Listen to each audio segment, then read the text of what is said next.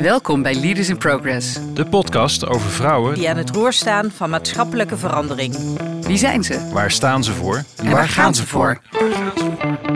Ik ben Nadine Klokken, CEO van KNAP, de online bank die de financiële wereld van binnenuit vernieuwt. Ik ben Beate van Dongen-Krombachs, partner bij EY Consulting. Wij creëren een betere wereld door organisaties te helpen op een duurzame manier te transformeren. En ik ben Dave Jongenelen, medeoprichter van BuzzWomen. Dagelijks stellen wij vrouwen over de hele wereld in staat vooruitgang vorm te geven. Waarom deze podcast? We willen je inspireren Om aan het roer te gaan staan. Van je eigen bezieling. en maatschappelijke vernieuwing. Welkom bij Leaders in Progress. Welkom bij eh, Leaders in Progress. Eh, we zijn hier eh, vandaag in Austerlitz bij Better Meetings. Ik zit hier samen met Nadine en vandaag de gast bij Leaders in Progress is Geertje Zegers. Je bent geboren in Twente, hebt een aantal jaar in Amerika gewoond, even terug naar Twente en in Groningen gaan studeren. Je bent afgestudeerd als sociaal psycholoog. En op dit moment woon je samen met je vent Bas in eh, Amsterdam. Je noemde het zelf je vent, dus dan mag ik dat ook doen. Zeker. Eh, en met eh, hond Lucie niet, niet te vergeten. En Geertje, je bent country manager Nederland van Too Good To Go. Ehm, een bedrijf, het bedrijf is een initiatief om voedselverspilling tegen te gaan. En nou ja, jij gaat echt vol passie de strijd aan eh, om de schokkende hoeveelheid voedsel die dagelijks verspeeld wordt eh, te redden eh, en weer een plekje te geven in de voedselketen. Ehm, daarnaast ben je minister tegen verspilling in het ondernemerskabinet. Daar horen we graag ook meer over. En daarin werk je aan een beleid tegen voedselverspilling. Ehm, ja, en eigenlijk wat jij daar ook zelf over zegt, er wordt ontzettend veel gepraat, maar eh, nog niet zoveel gedaan. En eh, daar wil jij eh, ook echt iets in veranderen. Ehm, ik denk dat jij een toegewijd probleemoplosser bent ehm, met lef en energie. Dus eh, welkom eh, in onze podcast. Super fijn eh, dat je er bent. Dankjewel, wat een mooie introductie. ja, en hoe zit je erbij hier? Nou, na zo'n introductie heel erg goed natuurlijk. Dat kan, dat kan niet beter. Nee, ik heb er wel zin in. Ik ben benieuwd. Ja, en jij je vertelde net al, uh, je bent ontzettend veel in de media de, de, laatste tijd. Kun je daar iets, iets meer over vertellen? Waar dat, hoezo?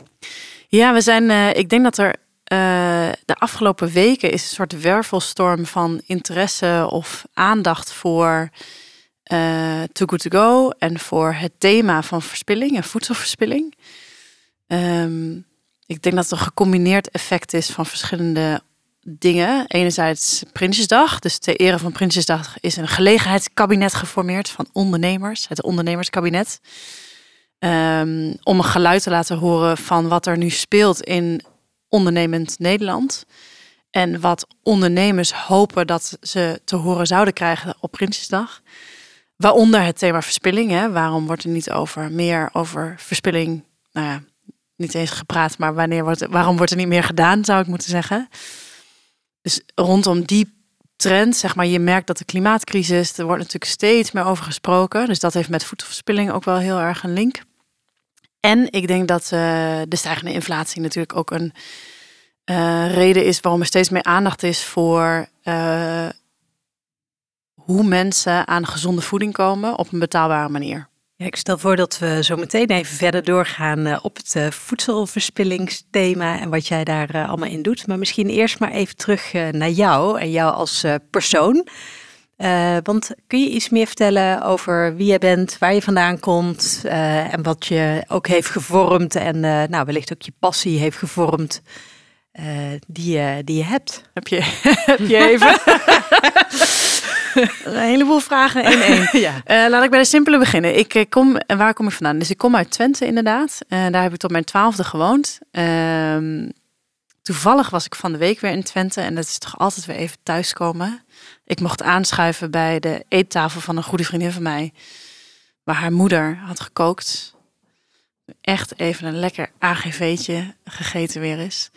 Ehm, dus dat, dat zit altijd ergens nog in mijn wortels. Ehm, En, en even over die eettafel. Als je het dan hebt over bij jou thuis vroeger aan de eettafel. eh, hoe, hoe ging dat? Nee, nee, ja, nee, dat ging heel anders. Nou, ik kom wel echt uit een eetlief, eetliefhebbende familie en ook kookliefhebbers. Maar wij waren een beetje het gekke gezin in Wierden, waar ik woonde. Want mm, wij gingen naar de Gimsel. Dat is een reformwinkel, waar het altijd een beetje muffig rook. Eh, en wij aten tofu. En ehm, dan had mijn moeder weer een sapkuur die ze deed. Dus wij waren een beetje een aparte, ge- aparte in de lijst. Dus als ik dan bij mijn beste vriendje thuis kwam, wat mijn tweede thuis was, dan kreeg ik altijd een extra gehaktballetje en een gekookte aardappel op mijn bord gele- gelegd. Dus eten was ontzettend belangrijk en is nog steeds ontzettend belangrijk voor ons. Eh, als ik aan de ontbijttafel zit, dan gaat het vaak over wat gaan we vanavond en morgen en de rest van de week eten ongeveer. Ehm, dus de liefde voor eten zit wel heel diep. En dus ook de waardering daarvoor. En het feit dat je er moeite voor doet om te koken en uren bezig bent, of zelfs ben je maar een half uur bezig, eh, dat je daar ook waardering voor hebt. Die gaat wel vrij ver. Ik kan er enorm van genieten. Ook van die gehaktbal met gekookte aardappel en jus. Ehm, Was dat als AGV'tje? Of was dat, was dat? ja, het was een gehaktbal, gekookte aardappelen met jus, zelfgemaakte appelmoes en zelfgemaakte rode kool. Aha. Klassieker kon het niet. Nee, klassieker kan het niet. Ik zal me net afvragen, wat, wat zou je ermee bedoelen? Maar dit is, het beeld heb ik. Aardappel, groente, vlees. Ja, precies. Ja, eh, om zes uur, kwart over zes. Perfect. Eh, dus, en, maar de hele, is altijd even, want daarom kwamen we op Twente, dus dat altijd een beetje thuiskomen. Eh ik heb vijf jaar in Amerika gezeten, van mijn twaalfde tot mijn zeventiende. Dus dat heeft ook zeker me enorm gevormd natuurlijk, want dat waren, ja, dat zijn je puberjaren. Ehm ik ben weggegaan op mijn zeventiende, omdat ik dacht, ik wil niet blijven in Amerika. Ik was klaar met high school, maar wilde niet, eh, ik dacht als ik hier ga studeren, kom ik vast een of andere leuke kerel tegen en dan ga ik nooit meer weg. Dus eh, laat ik maar teruggaan. Want dan ben ik in ieder geval. Ik wist, ik wist, ik wil niet blijven wonen in Amerika. Ik ben te nuchter voor Amerikanen. En kun je dat iets verder duiden? Nou, ik, naarmate ik eh, langer weg ben en ook verder in, in eh, het zakenleven of in, in het werkende leven zit, heb ik ook steeds meer waardering voor Amerikanen. Dus de manier waarop zij iets groot kunnen maken en ook echt iets kunnen vieren. Simpel voorbeeld is als je in de marathon New York staat of in de marathon van Amsterdam, is een klein verschil. Dus de Amerikanen die gaan helemaal los als ze je aanmoedigen. En in Amsterdam staan ze klappend langs de kant als je gelukt hebt. En dan zeggen ze, hup, hup, zet hem op. Ehm, dus dat enthousiasme, dat waardeer ik enorm. Maar toen ik daar woonde, was ik op een gegeven moment, het is ook wat oppervlakkig. Iemand legde mij uit dat eh, Amerikaanse cultuur, je hebt eh perziken en kokosnoten. Ik vond het een fantastische vergelijking. Amerikaanse cultuur is een perzik. Dus dat is aan de buitenkant heel erg zacht en knuffelig. Perzik ne- nectarine? Nee, perzik. Eh, dus, en, en, maar van binnen is het een soort hart en kom je er niet echt door. Dus als je in eerste instantie daar komt, zul je altijd mensen heel vriendelijk zeggen: Kom mee, kom lekker eten. Als je bij mij thuis wil komen, geen probleem. Maar als het dan erop aankomt, dan gebeurt het eigenlijk niet. Nederlanders zijn kokosnoten.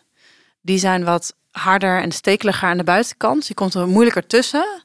Maar als je er dan in zit, dan zit daar het vruchtvlees en de zachtheid. En dan zit je er ook echt in. Ik vond dat wel. En ik ben wat meer kokosnoot, denk ik. Ik ben gewoon een kokosnoot. Daar komt het op neer. Ja, het is in ieder geval mooi dat je het ook besefte toen. Dat je zo bewust koos. Ja, ik weet niet of ik me toen zo bewust besefte waarom. Maar het gevoel, ik wil hier niet blijven, was, was er. En hoewel ik best wel een nerd ben, blijk ik stiekem ook best wel een beetje een gevoelsmens te zijn. Ehm, dus ik had gewoon bedacht dat ik eh, daar niet ging blijven. Je ouders bleven in eh, Amerika. Mijn moeder en mijn stiefvader bleven in Amerika. Ja. En mijn vader en mijn stiefmoeder die woonden nog in Nederland. En Ja. die, dus het klinkt als een heel dapper besluit. Maar ik kon gewoon bij mijn vader en mijn stiefmoeder wonen. Ehm, maar de, ja, de- op een gegeven moment voelt dan, denk ik, ik ga dit doen. En dan ga ik dat ook doen. Ehm, en eh, dat is ook een hele goede keuze geweest. Zeker. Ik zou het hartstikke leuk vinden nog een keer twee jaar in Amerika te zitten. Maar niet eh, permanent. Nee. Toen ben je naar Groningen gegaan. Ik ben naar Groningen gaan om te studeren. Eh, ontzettend leuke studeer, studiestad. Ik dacht ook, waarschijnlijk ga je er anders nooit wonen, dus laat ik er maar gaan studeren. Dan zie ik die kant van het land ook nog eens. En na Groningen ben ik in Utrecht beland. Ehm, en, en uiteindelijk in Amsterdam. En, en dan even terug naar jouw passie, want je hebt nu echt een enorme passie om, eh, om die voedselverspilling tegen te gaan. Wat, Ja. wat, eh, wat heeft die passie zo eh, gecreëerd? Weet je, ja, ik denk de liefde voor eten. En ehm, eh, ik vind, als je zelf ooit, he- he- heb je, heeft even jullie wel eens een eh, moestuintje gehad of met je kinderen een moestuintje of zo? Ja. Als je dan ziet hoeveel moeite er gaat in het eh, maken van een Ik wortel. ben er nooit zo succesvol Nee. in. maar- Maar dat bedoel ik. Of zo'n tomaat. Dat is best wel moeilijk. Ja, Eh, het lukt mij ook niet hoor, trouwens. Maar, eh, ehm, en als je dan ziet hoeveel energie er... Dus of dat nou... Dat is enerzijds menselijke energie. Maar dat is ook energie, gewoon tastbaar energie... waar CO2 eh, f- hè, gebruikt wordt om iets te produceren. Als je ziet hoeveel energie er in een product wordt gestoken... om je dan te beseffen dat meer dan een derde van al het eten wat gemaakt wordt... wordt weggegooid... Dus dat van de, als die bakker die drie broden maakt, dat van die drie broden kan je er eigenlijk gewoon gelijk eentje weggooien. Eh, ja, dat, ik, ik, dat past gewoon niet in mijn hoofd. Dat begrijp ik gewoon niet. Eh, dus, eh, en dat heb ik altijd al wel gehad, dat ik dat heel moeilijk vond. En ik denk dat ik nu een plek heb gevonden waar ik daar ook iets mee kan. kun je iets meer vertellen over eh Too Good To Go? Jazeker, ja, natuurlijk. Daar kan ik heel veel over vertellen. Eh, in het kort, we zijn een bedrijf wat zich richt op het voorkomen van voedselverspilling. Of het tegengaan van voedselverspilling. We hebben een hele duidelijke missie en visie. Onze, ehm, onze droom is echt een wereld zonder voedselverspilling. En onze missie is iedereen in staat stellen en inspireren om samen echt concreet iets te doen tegen verspilling. Dus de kern is echt inspiratie, eh, eh, en in actie en mensen een mogelijkheid bieden om in actie te komen. Nou, de concreetste manier waarop we het doen is via onze app. Dus we hebben een app waarin we ehm, supermarkten, bakkerijen, slagers, restaurants die einde van de dag eten over hebben wat de volgende dag niet meer verkocht kan worden, omdat het bijvoorbeeld tegen THT aan zit. Ehm, verbinden met consumenten die dat vervolgens tegen gere- gereduceerd tarief reserveren en ophalen bij die winkel. En dat concept is heel simpel en werkt heel erg goed. En ehm, het geld wat we daarmee verdienen gebruiken we weer om te investeren in andere initiatieven eh, om die voedselverspilling tegen te gaan, zoals programma's op scholen, ehm, eh, campagnes om consumenten weer te leren hun zintuigen te gebruiken, kijk, ruik, proefcampagnes. Ehm, een stukje lobby, dus dat, eh, dat ondernemerskabinet en als minister, nou, dat, dat soort initiatieven zijn daar ook wel onderdeel van. Ehm, dus dat doen we in een nutshell. En ehm, eh, dan even terug naar de app. Wordt die een beetje gebruikt? Wat een mooie vraag. Zeker wordt die gebruikt. Eh, dus we hebben nu, ehm, zonder jullie helemaal dood te gooien met cijfers, eh, we zitten ruim 3 miljoen consumenten op de app. En per maand, we zeggen, we drukken alles uit in geredde maaltijden.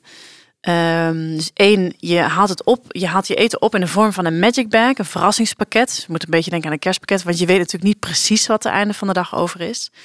Elke magic bag is één geredde maaltijd. Daar doen we er ongeveer 500.000 per maand van in Nederland. Ehm, dus dat gaat eigenlijk hartstikke goed. En, en waarom eh, doen consumenten hier aan mee? Drie redenen. We hebben het onderzocht. Ehm, de eerste is grappig genoeg het milieu, toch? Dus uit de, de eerste reden waarom mensen doen is te zeggen, daarmee doe ik iets goeds voor de wereld. Het tweede, nog opvallender, is het verrassingseffect. Dus wij Nederlanders houden blijkbaar van het kerstpakket eh. En de derde is prijs. Ik ben heel nieuwsgierig, omdat je voor een derde van de prijs haal je dat eten op. Ik ben heel benieuwd of dat nog gaat veranderen het komende jaar. Maar dat zijn de drie grootste redenen.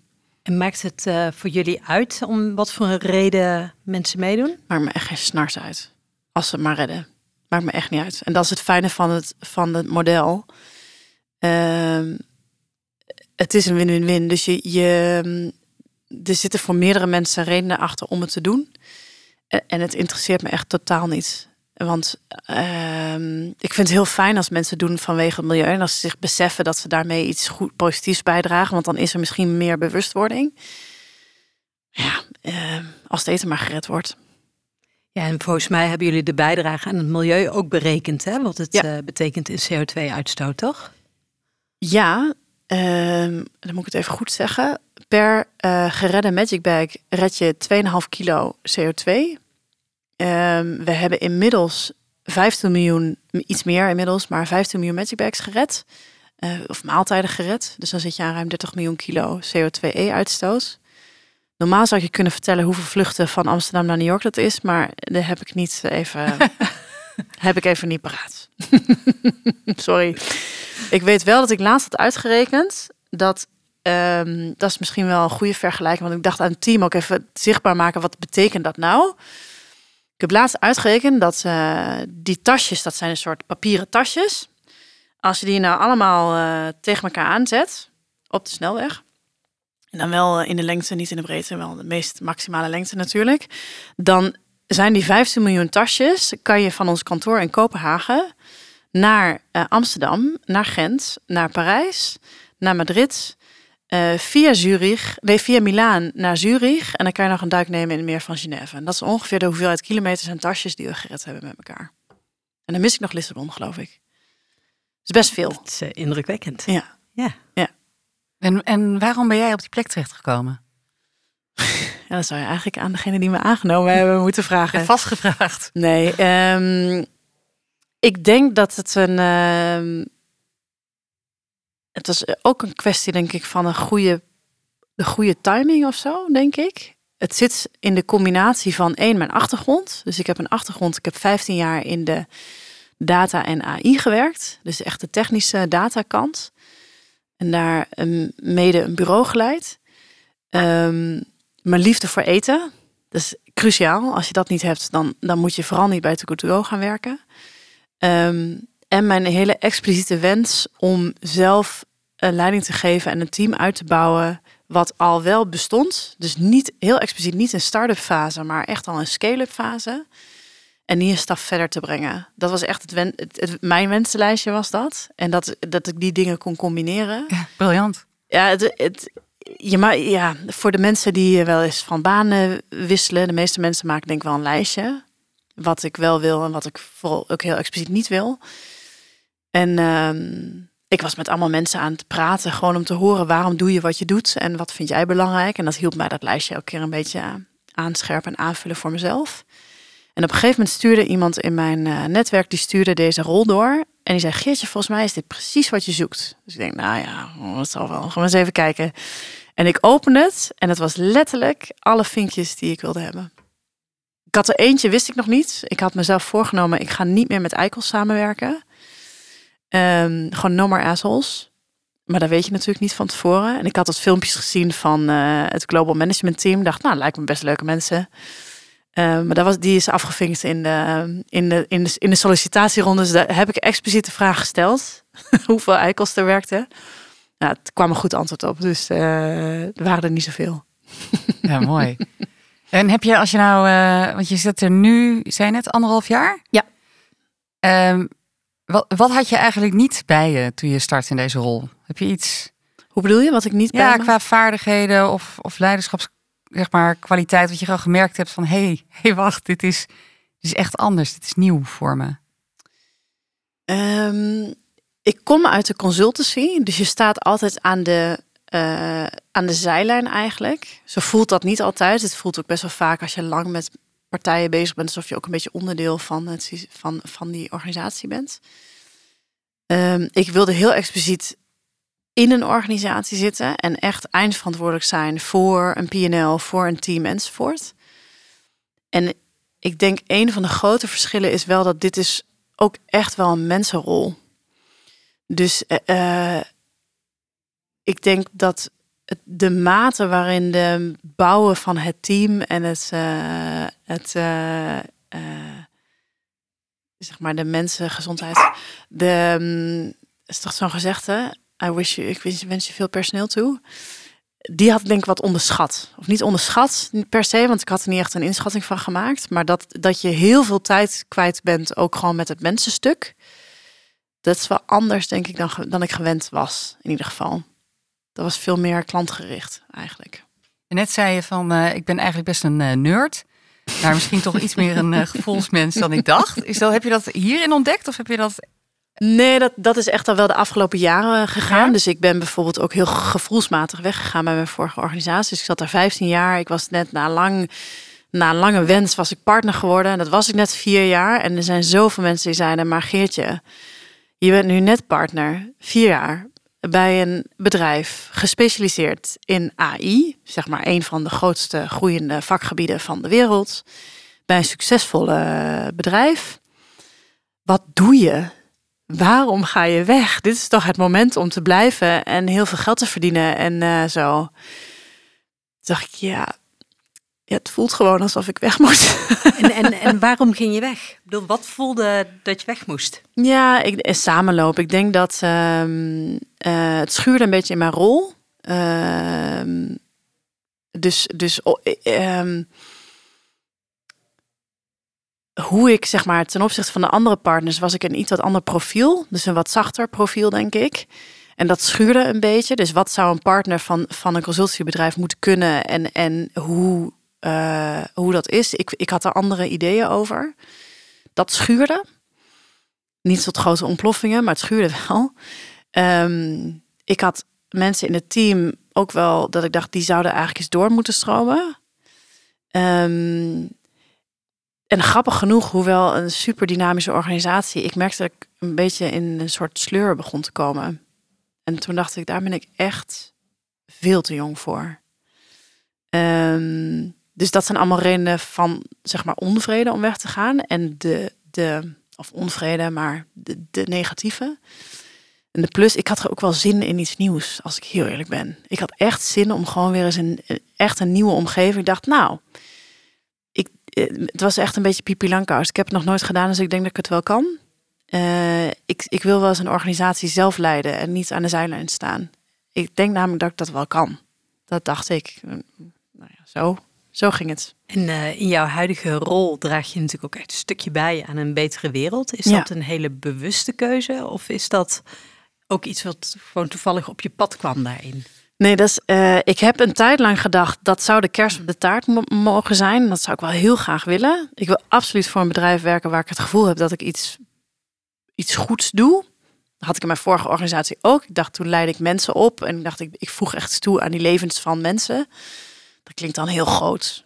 Eh, zo bedoel ik het niet, maar um, ik merk wel nu dat ik hier zit. Dus het, was, het gevoel was het kerst op de taart. Maar toen dat voedselsysteem, dat voedsel, dacht wat wil ik dan in de food? Toen dacht ik, ja, dan wil ik wel iets positiefs bijdragen. Ik kan niet voor een organisatie gaan werken die bijdraagt aan het feit dat er eten wordt weggegooid of overproductie is of ongezonde voeding. Um, ik heb ook met andere organisaties gesproken en toen dacht ik, nee, dit moet ik niet gaan doen. Dat voelt niet goed. En nu als ik hier zit, merk ik ook de enorme toegevoegde waarde van elke dag naar je werk gaan. En je realiseren dat wat je die dag doet, echt heel concreet, heel tastbaar. Ik zie gewoon, hé, hey, we hebben vandaag weer 20.000 tasjes gered. Dat is weer 40.000 kilo. Is, is wel heel bijzonder. En bijzonder fijn ook. En je vertelde net ook over dat uh, je het ontzettend leuk vindt met het team bezig te zijn. Uh, kun je er iets meer over vertellen? Niet altijd hoor. nee hoor, grapje. Um, ik vind het waanzinnig om te zien als mensen die... Ik, ik ben ervan overtuigd dat iedereen goed is in iets. Het is dan wel de kunst om te ontdekken wat dat precies is. En of dat ook zeg maar op de juiste plek en op het juiste moment is voor ons als organisatie. Waar ik heel enthousiast en heel blij van word, is als ik zie dat het lukt. Als ik denk, ja, potverdorie, die floreert echt. En, en het, het is een win-win. Kan ook eigenlijk niet anders, anders floreer denk ik ook niet. Dat vind ik echt heel erg leuk. Um, het taaie kant is natuurlijk de, als dat niet lukt. Dat vind, dat vind ik uh, ingewikkelder. Hoe ga je daarmee om?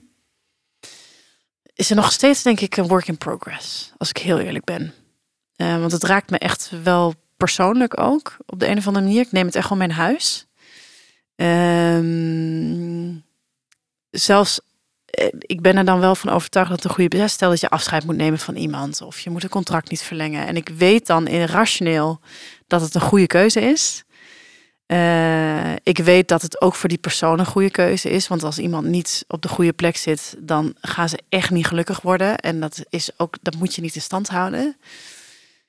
Uh, maar het raakt me altijd wel. Ik kan er echt wel even een beetje sikkeneurig van zijn. Vind je dat, vind je dat niet oké? Nee, ik vind dat wel oké. Ik vind het oh. eigenlijk juist zo goed dat het me raakt. Ja, ik maar, zit er luisteren. Is dat nou erg? Nee, het is meer denk ik dat, dat ik daar... Je, daar zijn mensen die daar dan uh, ogenschijnlijk heel erg uh, uh, ja, rechtlijnig in zijn. En die overkomen alsof het ze niks doet. Ja, dat, dat heb ik gewoon niet. En ik vraag me wel eens af of me het feit dat het me raakt me in de weg zit om sneller keuze te maken ben ik niet over uit hoor. Het is nog niet per se gezegd dat het zo is. Maar soms denk ik, ah, misschien had ik deze, deze call eerder moeten maken. Was het voor de persoon in kwestie en voor ons beter geweest? Dat. Bouw, je dat, bouw je dat uh, standaard in? Dat soort uh, reflectiemomenten?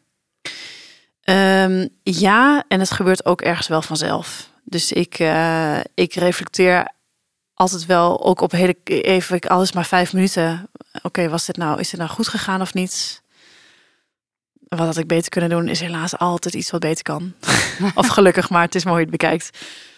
En um, en ik uh, sowieso doe ik één keer per jaar die uh, dat glas wijn met mezelf om te kijken hoe gaat het. En dus tussendoor zijn veel kleine reflectiemomenten. Zeker als het om dit soort mensentopics gaat, is altijd de reflectie: hoe hebben we het gedaan? Hoe heb ik het gedaan? Wat zou de volgende keer anders moeten? Uh, zijn we tevreden of niet? Uh, en waarom niet? Ja, dat, dat zit wel echt standaard in het ingebouwd. En als je dan terugkijkt uh, naar dat soort reflectiemomenten, is dan het belangrijkste wat je anders gedaan hebt uit die evaluaties, of wat je zou willen doen, die besluitvaardigheid versnellen? Wat, wat is je belangrijkste learning? Als je nou, het, um, voor mezelf soms uh, de besluitvaardigheid, maar ik leer ook wel. Um, ik zeg altijd eh, geen aannames maken, geen aannames maken, want uh, um, uh, je kan gewoon niet inschatten altijd. Maar het is, ik merk ook wel bij dit soort reflecties dat het toch vaak in aannames valt. Dus veel explicieter van tevoren zijn over wat consequenties zijn van bepaalde acties voor iemand of waar je naartoe wil. Mensen zien het gewoon niet altijd. we werken met vrij jonge mensen, die voor wie het een eerste of een tweede baan is, die uh, waarvan je denkt, ja, maar als ik je nu vertel dat, dat je al een half jaar niet goed performt en dat je beoordelingen niet goed zijn, ja, dan, uh, ja, dat, dat is, dan, dan zou er bij mij een belletje gaan rinkelen dat, dat dat toch echt niet zo'n goed idee is. Maar ik merk wel dat je hier dus, uh, dat ik veel explicieter daarover mag zijn in sommige gevallen. Dat betekent dus ook dat als je nog drie maanden niet goed performt, dat daar ook consequenties aan zitten. En dan moet ik dus nog explicieter zijn en zeggen, dat is niet alleen een consequentie, maar dat is de consequentie dat we uit elkaar gaan. Dat we dus afscheid gaan nemen van elkaar. En die stapjes, dat allerlaatste stukje, uh, die mis ik wel eens.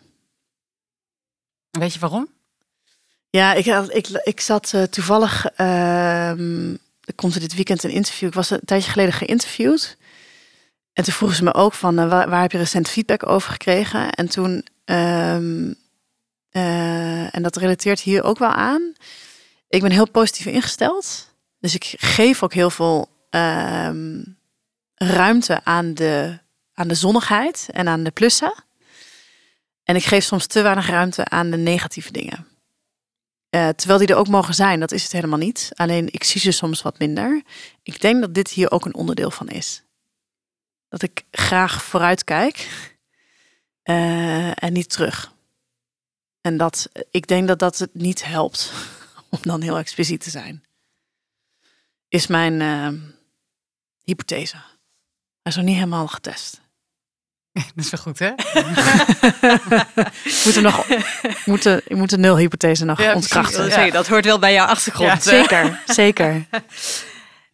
Een hele, hele andere vraag, want jij uh, bent natuurlijk uh, in het ondernemerskabinet uh, minister van Verspilling. Kun je daar iets meer over vertellen? wat, wat, wat doe je dan als minister van Verspilling? Nou, tot op heden heb ik twee keer een interview gegeven en dat was het dan ook. dus gewoon een goede mening hebben over iets en dat dan heel hard verkondigen. Nee. Um, het ondernemerskabinet is een initiatief van de ondernemer die dat hebben opgezet ter ere van Prinsjesdag. Die zeiden, joh, er moet eigenlijk een kabinet komen wat wel actie onderneemt en wat aandacht heeft voor de ondernemer. En het is, het is een iets wat ludieke actie. Dus ik, het is me nog niet helemaal duidelijk of we over een maand nog steeds uh, het kabinet zijn. Maar um, onder leiding van Annemarie van Gaal als premier was het idee dat wij um, een statement zouden maken over wat wij vinden dat er eigenlijk in Nederland als onderne voor ondernemend Nederland aandacht voor moet komen. Um, en ik mocht als minister van Verspilling een uh, statement uitbrengen over hoe ik denk dat er, uh, het kabinet om zou moeten gaan met verspilling tegengaan. Nou, tel eens. Tuurlijk. nou, daar komt ie. Nou, um, verschillende manieren. Dus één is, is dat uh, ik vind dat ik, vind het onbegrijpelijk, dat is één, dat überhaupt voedselverspilling geen onderdeel is van de klimaatdiscussie.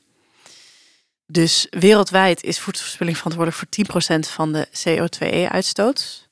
Dus we hebben discussies over uh, stikstof en landbouw en klimaat. En het wordt, gaat niet over voedselverspilling. En dat is één, het moet überhaupt veel prominenter op de agenda. Uh, want je kan het. Kijk, denk bijvoorbeeld over de hele stikstofproblematiek, waar ik absoluut geen oplossing voor heb. Maar uh, als we het hebben over bijvoorbeeld vee, uh, vee, en je gaat ervan uit dat een derde van al het eten wordt verspild, en er dus energie en stikstof en methaan enzovoort, maar van die drie koeien er eentje voor niets wordt geslacht. dat, nou, ik kan dat, dat begrijp ik dus gewoon niet. Waarom dan voedselverspilling geen onderdeel van het gesprek is. Dat is één. Heel praktisch. Er zijn heel veel bedrijven die al heel veel goede dingen doen. Er zijn echt wel een aantal retailers die uh, bijvoorbeeld echt goede acties ondernemen om voedselverspilling tegen te gaan. Die of eigen oplossingen hebben, uh, met ons samenwerken, met voedselbanken samenwerken. Beloon die alsjeblieft. er is een, een um, de ladder van Moerman, dat is een soort voedselhierarchie, die zegt wat de meest wenselijke situatie is voor voedsel. Dus eten wat geproduceerd wordt voor consumenten, zou je, voor mensen, zou je het liefst willen dat die in een menselijke maag belandt. Dat is het meest wenselijke. Uh, als dat niet lukt, dan is het meest wenselijke dat het wordt her, uh, uh, zeg maar, wordt omgekat. Hè? Dus dat er soep van wordt gemaakt, of dat die kromme komkommers of iets dergelijks, dat, die, dat dingen worden gedroogd, of nou, noem maar op. Dan kom je vervolgens terecht in het stukje veevoer. Hè? Dus dat er dan niet dat het dierlijke eiwitten worden geproduceerd. Dan kom je op alternatieve energievormen, dus bijvoorbeeld vergisters. En daarna zit pas ergens een keer de stort of andere dingen ja, beloon de bedrijven die bovenin zitten en dus menselijke consumptie doen. Ja, en straf anders de bedrijven die onderin zitten. Heel praktisch voorbeeld uh, met de hele, wat mij ernstig zorgen baart, is de hele gasdiscussie. Alternatieve bronnen van gas. Dat er enorme subsidies op biovergisters zitten. Waarom doen we dat? Want vergisters worden natuurlijk gevoed met. Ja, je pakt hem niet bij de wortel, je pakt hem. Uh, ja, uh, die reststromen die zouden veel eerder in de ladder uh, moeten zitten. Dus dat zijn hele praktische aan de bedrijfskant. En daarnaast de helft van de verspilling vindt bij consumenten thuis plaats. Dus laten we alsjeblieft iets gaan doen aan houdbaarheidsdata op verpakkingen. Bedoel, het, het is werkelijk ongelooflijk. Want wij consumenten snappen niet meer dat je kan kijken, ruiken, proeven. Maar denken, oh, een THT, tenminste houdbaar tot. Oftewel, vaak nog goed na. Uh, staat, ja, staat op een verpakking. Maar wij, wij, heel veel mensen vergeten dat, weten dat niet meer. Maar dat er op droge goederen, rijst, pasta, conserven, daar staan allemaal THT's op. Voor mij mogen ze eraf. En dan laten we gewoon lekker gaan kijken, ruiken, proeven. En laten we dan ook een campagne doen naar consumenten. Maar wat ligt daaronder, denk je? Waaronder? Ja, onder dat dat zo strikt, zo... Uh... risicomijding. Dus Nederlands, en dat is ook hartstikke goed. Hè? Dus uh, laat voorop staan, het is hartstikke fijn dat wij in Nederland uh, voedselzekerheid hebben. Dat we gezonde voeding kunnen eten waar we niet ziek van worden. Ik denk dat we daar een beetje in zijn doorgeslagen. Ehm, eh, we hadden vroeger nog een melkboer in, dat, uh, in Wierden. Daar stond geen houdbaarheidsdatum op die flessen. Ja, dat rook je gewoon aan de fles. Of het nog goed was. En die ging de week daarna gewoon in het mandje. Die ging de week daarna in het mandje. Ja. zo ging dat. Ja, en dan zetten we hem neer en dan kwam de, hoe heet het ook alweer? De wagen, de SRV. De, de SRV-wagen kwam. Uh, en ik, we moeten helemaal niet. Ik zeg niet dat we terug moeten naar die tijd, maar ik, ik, ik denk dat we echt een beetje zijn doorgeslagen. Uh, je hebt een TGT te gebruiken tot, dat is een risico. Uh, dat geeft aan, hey, als je het product na deze datum eet, dan heb je een risico voor je gezondheid. Dus zit bijvoorbeeld op vlees en vis. Een tenminste houdbaar tot is in feite een kwaliteitsgarantie van de producent. Dat tot die datum is het zoals zij vinden dat het moet zijn. Dus het, dat, dat pak chips, dat is precies zo krakerig en smaakvol als wij willen. En dat, staat, dat, is nu al, dat is nu al zo. Dus je hebt TGT en THT. Dat is nu. Ja. Grap, wat heb ik me niet eens gerealiseerd. Nee, maar alles waar een THT op zit, heeft dus niets met voedselveiligheid te maken. Ja, heeft te maken met kwaliteit. Dus zet mensen, we hebben op kantoor, uh, we hebben een grote campagne gelanceerd. Kijkruik proef met, met 17 producenten, 20 producenten inmiddels. Waar dus een kijkruik proeflogo op die verpakkingen komt te staan. En ter ere daarvan hadden wij ons team gevraagd: duik je keukenkastje in. Duik het keukenkastje van je schoonmoeder in. En diep dat ene blikje, potje, dingetje op, wat ongeopend is, met een THT die al lang verlopen is. Neem ze mee naar kantoor. En dan gaan wij met z'n allen kijken, ruiken, proeven. En dan zetten we er ook een paar nieuwe versies van hetzelfde product naast. En dan gaan we blind testen of we het verschil kunnen proeven. Was fantastisch. Ik zou iedereen aanraden om het te doen. Het oudste was een blikje sardientjes uit 1999. Ik moet heel eerlijk toegeven dat ik lichte twijfel had toen het blikje open ging en ik dacht, ga ik dit doen? Maar het was gewoon goed. Kon je gewoon eten. En je proefde echt geen enkel verschil met een nieuw blikje sardientjes. Maar hier zou je natuurlijk veel meer mee kunnen. Ja, dat denk ik ook. Maar ja, wat hè, is dan de vraag. Nou ja, Als ik een goede idee soort hebt. Eh, ludieke actie uh, vormen. Leuk bedrijfsuitje, maar uh, moeten we later nog maar eens over doorpraten. Ja, ik denk dus echt, maar dus, dit, dit moet ook veel groter, denk ik. Want, wat moet er nou gebeuren om dit, hè, want, want bedoel, we grappen over dat ondernemerskabinet en jouw rol als minister daarin. Maar wat moet er nou gebeuren om dit nou ook echt de aandacht te geven en de impact te laten krijgen die nodig is hierin? Vind ik een hele goede vraag en niet makkelijk te beantwoorden. Uh, ik ben natuurlijk geen politicus uh, in die zin.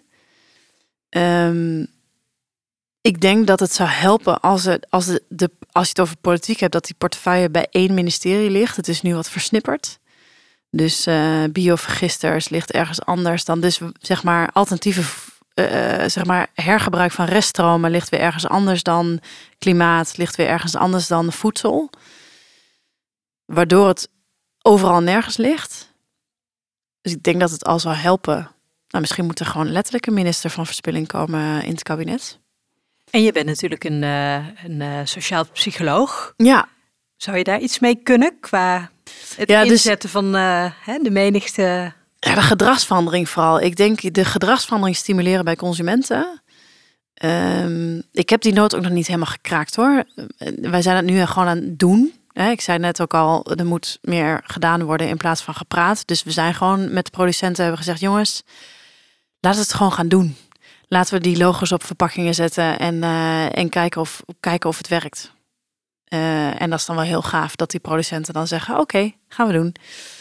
Um, ik denk dat er nog veel meer initiatieven mogelijk zijn. Ik denk dat kinderen voeden hun ouders de laatste tijd ook wat meer op hierop. Ik weet niet hoe dat bij jullie zit, maar eh, ik hoor steeds vaker verhalen dat mensen zeggen: Ja, mijn dochter zei papa.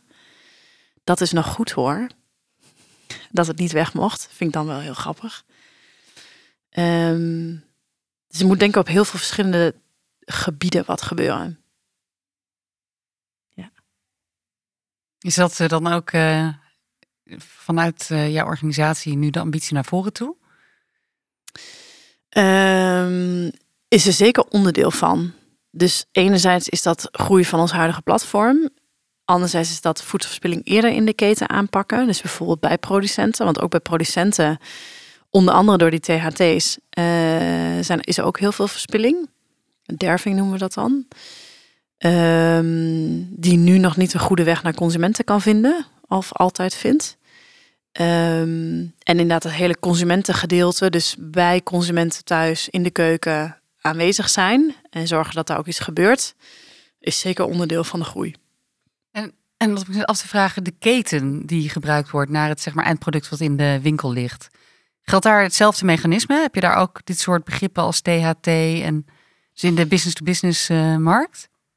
Uh, ja, dus um, in de keten, het begint natuurlijk bij een, eh, een uh, producent. Of dat nou een boer is of ietsje later in de keten bijvoorbeeld een partij als een Unilever.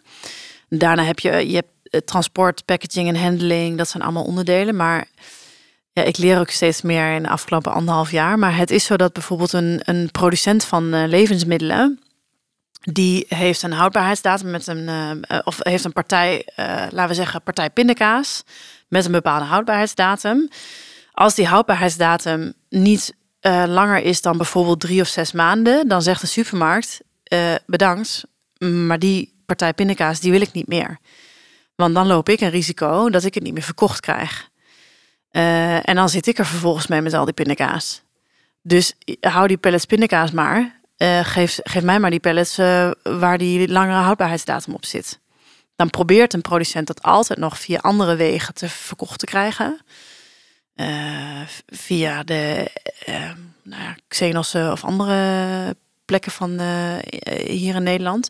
En dan nog steeds is er heel veel wat overblijft. Of bijvoorbeeld fouten op verpakkingen, waardoor het niet verkocht kan worden. Recent was een voorbeeld dat een partij had allemaal Russische verpakkingen die niet naar Rusland konden vanwege de oorlog. Ja, en dat staat daar dan klaar om vernietigd te worden. Ja, dat is natuurlijk schrijnend. Uh, dus daar werkt dat, daar zit, daar zit ook absoluut rondom houdbaarheidsdata een, uh, een uitdaging, als we het zo mogen noemen, uh, waar je wat mee zou kunnen. Ik, uh, ik zie dat wij alweer bijna door de tijd heen oh, zijn. Uh, ja, dat gaat heel snel. Zijn er dingen, Geertje, die wij niet geraakt hebben en waarvan je zegt van nou, dat zou ik wel echt willen meegeven? Poeh. Een oproep. Een oproep. um, zeker, maar ik moet even nadenken hoe ik hem formuleer. Um, mijn oproep zou zijn is om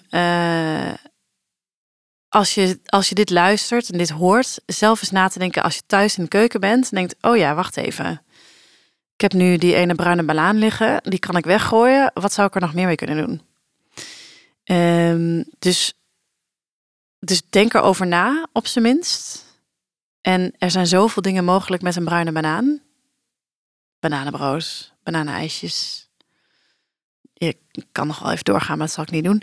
Um, dus misschien is dat wel de oproep. Als je denkt, hé, hey, we hebben nog wat restjes over, is niet genoeg voor iets anders. Denk dan even aan die bruine banaan. En, en kijk dan of je creatief thuis iets anders kan doen met je, in plaats van dat het de prullenbak in gaat. Gewoon lekker praktisch. Zelf iets doen. Ja, super mooi. En het uh, zet in ieder geval uh, mij en jou wellicht ook wel weer, Zeker. en ook de luisteraars aan het denken en aan het doen. Het is veel groter uh, deel dan ik had verwacht. Dus en zoveel dichter, dichterbij ook dan ik had verwacht. En ja. dat uh, vind ik ook wel mooi nu. Die neem ik in ieder geval mee. Ik heb nog zo'n blikje anchovies liggen uit 2019, zag ik kan laatst. gewoon, kan gewoon. anchovies helemaal, er zit zoveel zout ja, en precies, is geen enkel probleem. Ik heb, ook, ik heb hem ook laten staan. Ik dacht, ja, het voelt ook niet goed om het weg te gooien, maar het feit dat ik hem ook nog niet open heb getrokken, betekent wel dat ik er een beetje dubbel naar keek. Snap ik ook hoor. Uh, maar met jouw bruine bananen in gedachten is dat vast uh, anders uh, naar de toekomst toe. Ik wil je heel hartelijk bedanken voor je enthousiaste verhaal en ook de mooie weg die je afgelegd hebt om de wereld toch weer wat beter te maken. Dus dank. Graag gedaan. Ja, dankjewel Geertje. En op naar een, een wereld die net wat mooier is. Hè? Exact. Ik ga ervoor. Dankjewel. Dank. Dankjewel voor het luisteren naar deze aflevering van Leaders in Progress. We hopen dat je ervan genoten hebt en er volgende keer weer bij bent wanneer we een nieuwe gast aan tafel hebben. Ben jij geïnspireerd en zou je ook willen werken aan vooruitgang? Dat kan. Ga nu naar www.leadersinprogress.nl en kom in actie. Of neem direct contact met ons op via de e-mail. Graag tot de volgende keer.